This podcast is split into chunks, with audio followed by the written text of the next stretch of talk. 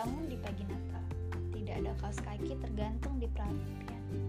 Untuk sesaat, dia merasa kecewa karena itu berarti tidak ada hadiah. Tapi dia tidak berlama-lama dengan kekecewaannya. Dia lalu kembali ke kamar dan menyelinapkan tangannya ke bawah bantal untuk tidur kembali. Wah, apa ini? Pekik Joe. Dia menarik suatu kotak dari bawah bantalnya.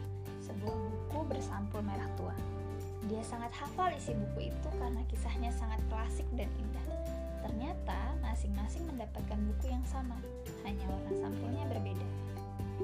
Di halaman pertama setiap buku ada tulisan mama yang membuat hadiah itu menjadi begitu berharga dan istimewa. Gadis-gadis, kata Meg serius sambil menatap ketiga adiknya yang masih terkantuk-kantuk dan memakai topi tidur. Mama selalu menginginkan kita untuk membaca, mencintai, dan peduli pada buku-buku ini. Oleh karena itu, kita harus memulai saat ini juga. Kemudian Meg membuka buku barunya dan mulai membaca. Joe melingkarkan lengannya ke lengan Meg. Mereka duduk bersis, bersisian dan membaca bersama-sama. Ruangan terasa hening saat halaman demi halaman dibuka dan matahari musim dingin mulai merangkak naik. Eh, mama mana? Tanya Meg. Oh, mama kalian sepertinya pergi keluar sebentar. Tadi ada orang yang membutuhkan pertolongannya. Aku belum pernah bertemu dengan orang yang begitu baik dan selalu siap menolong seperti mama kalian. Kata Hana, pembantu rumah yang sudah dianggap keluarga. Kalau begitu, cepat persiapkan hadiah kejutan untuk mama, kata Meg sambil menyerobot sebuah keranjang. Lihat deh, sapu tangan buatanku untuk mama. Bagus kan? kata Beth bangga. Eh, mama datang. Ayo cepat masukkan hadiah kalian ke dalam keranjang. Pakai Jo saat mendengar pintu pagar dibuka. Ami, di mana kamu? Ami masuk dengan tergesa-gesa. Maaf, aku lupa tempat botol parfumnya, tapi sudah kutemukan kok. Ketika Mama masuk ke dalam ruangan, keempat gadis itu langsung bersorak. Selamat Natal Mama, terima kasih hadiah bukunya dan ini untuk Mama. Oh, terima kasih gadis-gadis kecilku. Tapi sebelum sarapan, Mama ingin menyampaikan sesuatu. Tidak jauh dari rumah kita ada seorang ibu dengan enam orang anak yang masih kecil-kecil. Mereka sangat kelaparan dan kedinginan karena sangat miskin dan tidak punya perapian. Anak-anakku, maukah kalian memberikan sarapan kita pagi ini sebagai hadiah Natal? Keempat gadis yang sudah sangat lapar itu tidak berkata apa-apa. Tapi tiba-tiba Joe berseru, Untung aku belum melahap ludes sarapan ini. Oh, aku akan ikut menolong mereka membawakan barang-barang untuk mereka, kata Beth antusias. Dan aku akan memberikan kue-kue kesukaanku, tambah Emmy dengan berani. Setelah berjalan beberapa menit, akhirnya Mama dan keempat gadis itu sampai di sebuah rumah kumuh. Jendelanya pecah dan tidak ada perapian. Seorang ibu yang tampaknya sedang sakit membukakan pintu. Tampak seorang bayi kurus menangis kelaparan di gendongannya dan lima anak berwajah pucat mengelilinginya. Ya Tuhan, malaikat-malaikat telah datang kepada kita, kata wanita miskin itu sambil menangis. Seketika itu juga, mata-mata Sayu langsung berbinar dan bibir-bibir pucat langsung tersenyum kepada keempat malaikat cantik tersebut. Keempat gadis itu belum pernah dipanggil dengan sebutan malaikat. Mereka merasa hal itu sangat menyenangkan. Tapi yang lebih menyenangkan adalah bisa membuat orang lain bahagia. Malamnya, keempat gadis itu sangat terkejut ketika melihat hidangan mewah di atas meja makan. Ah, ini pasti kiriman dari Bibi March, pekik Jo. Salah, kata Mama. Hidangan ini dari Pak Lawrence tetangga kita. Lawrence Boy adalah seorang kakek. Ide apa yang ada di kepalanya? Kita tidak mengenalnya, seru Meg.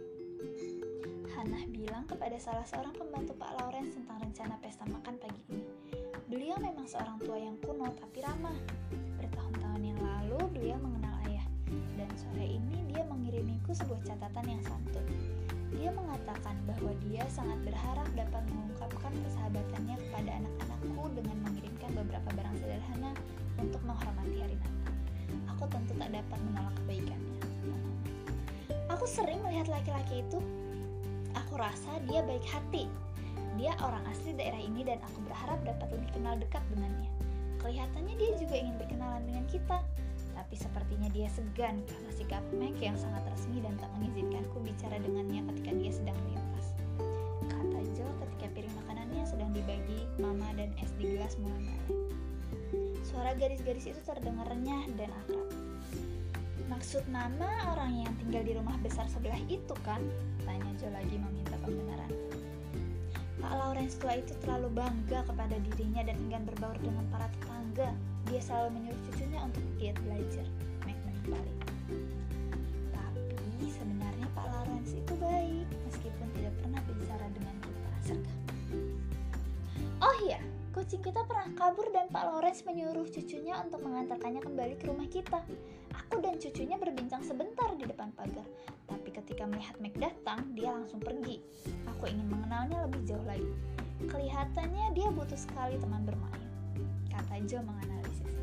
Mama suka dengan sopan santunnya. Dia anak laki-laki yang baik. Sambil Mama sambil mencium karangan bunga di atas meja makan. Bunga-bunga ini cantik ya,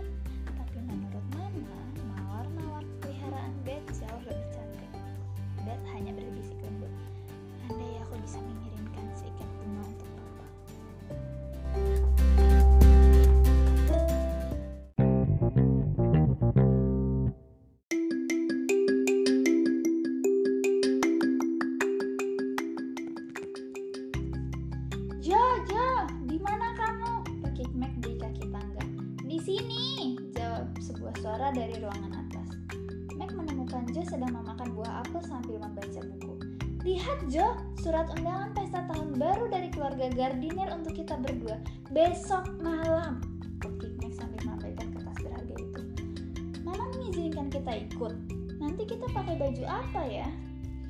Ah, apa gunanya bertanya seperti itu? Kamu kan tahu sendiri kalau kita akan memakai baju biasa saja. Jawab Joe dengan mulut penuh makanan. Malah kamu lebih beruntung, baju pestamu masih bagus. Tapi kalau punyaku ada bekas terbakar di bagian punggungnya dan sarung tanganku ada bekas tumpahan limau. Aku tidak usah memakai sarung tangan saja ah. Punggung bajumu tutupi saja dengan rambutmu dan jangan bergerak heboh. Beres kan? Tapi kamu harus pakai sarung tangan. Apa kata orang nanti? Sambar Mac. Aku tidak peduli dengan omongan orang. Pekik Jo sambil menyambar bukunya. Oh, oh, oh. Tapi kalau kamu tak keberatan, aku punya ide. Aku akan memegang sarung tanganku saja. Jadi tidak ada yang tahu betapa kotornya Dan kamu tidak usah khawatir. Aku akan berusaha bersikap semanis mungkin dan tidak akan berkelahi. Tambah Jo lagi. Sore itu, dua gadis sedang sibuk berdandan di depan kaca dalam rangka menyambut pesta tahun baru nanti malam. Dari ruangan itu tercium bau menyengat seperti rambut terbakar. Mac ingin mengeriting poninya dan Joel membantu melakukannya. Haruskah sampai berasap seperti ini? Tanya Beth yang sedang duduk dilembabkan, jawab Joel. Baunya aneh, seperti rambut terbakar, kata Amy sambil mengamati. Oh, oh, apa yang kamu lakukan, Jo?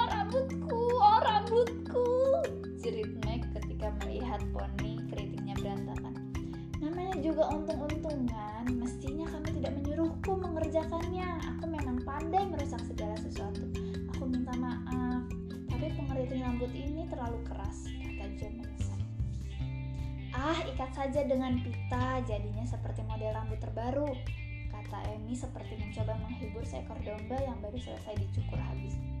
Setelah bermacam-macam kecelakaan terjadi, akhirnya kedua gadis itu selesai berdandan. Mereka pun pergi ke pesta itu. Selamat bersenang-senang sayang, kata mama. Jangan terlalu banyak makan dan jangan lupa pulanglah sebelum jam 10 malam. Nyonya Gardiner menyambut Mac dan Joe dengan gembira. Mac langsung akrab dengan Sally, anak Nyonya Gardiner lalu bergabung dengan perempuan lain yang sedang asyik bergosip. Sebenarnya Joe ingin sekali bergabung dengan para pemuda yang sedang asyik membicarakan sepatu luncur, tapi alis Mac langsung terangkat mengisyaratkan ketidaksetujuannya. Akhirnya Joe berdiri sendiri sambil menyandarkan punggungnya ke dinding seperti bunga pajangan. Tak lama kemudian, suara musik mulai mengalun, dan pun dimulai. Mac tidak kesulitan mencari pasangan. Sebenarnya beberapa pemuda ingin mengajak Joe berdansa, tapi Joe merasa malas. Akhirnya Joe melarikan diri ke sebuah ruangan kecil di belakang gorden raksasa untuk menyendiri. Tapi ternyata di sana sudah ada orang lain.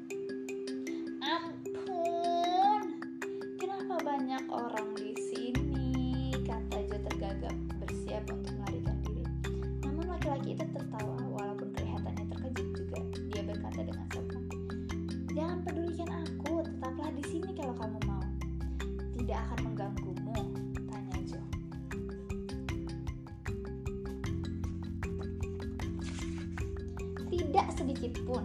Aku di sini karena tidak kenal banyak orang di sana sehingga aku merasa agak aneh. Jawab laki-laki itu.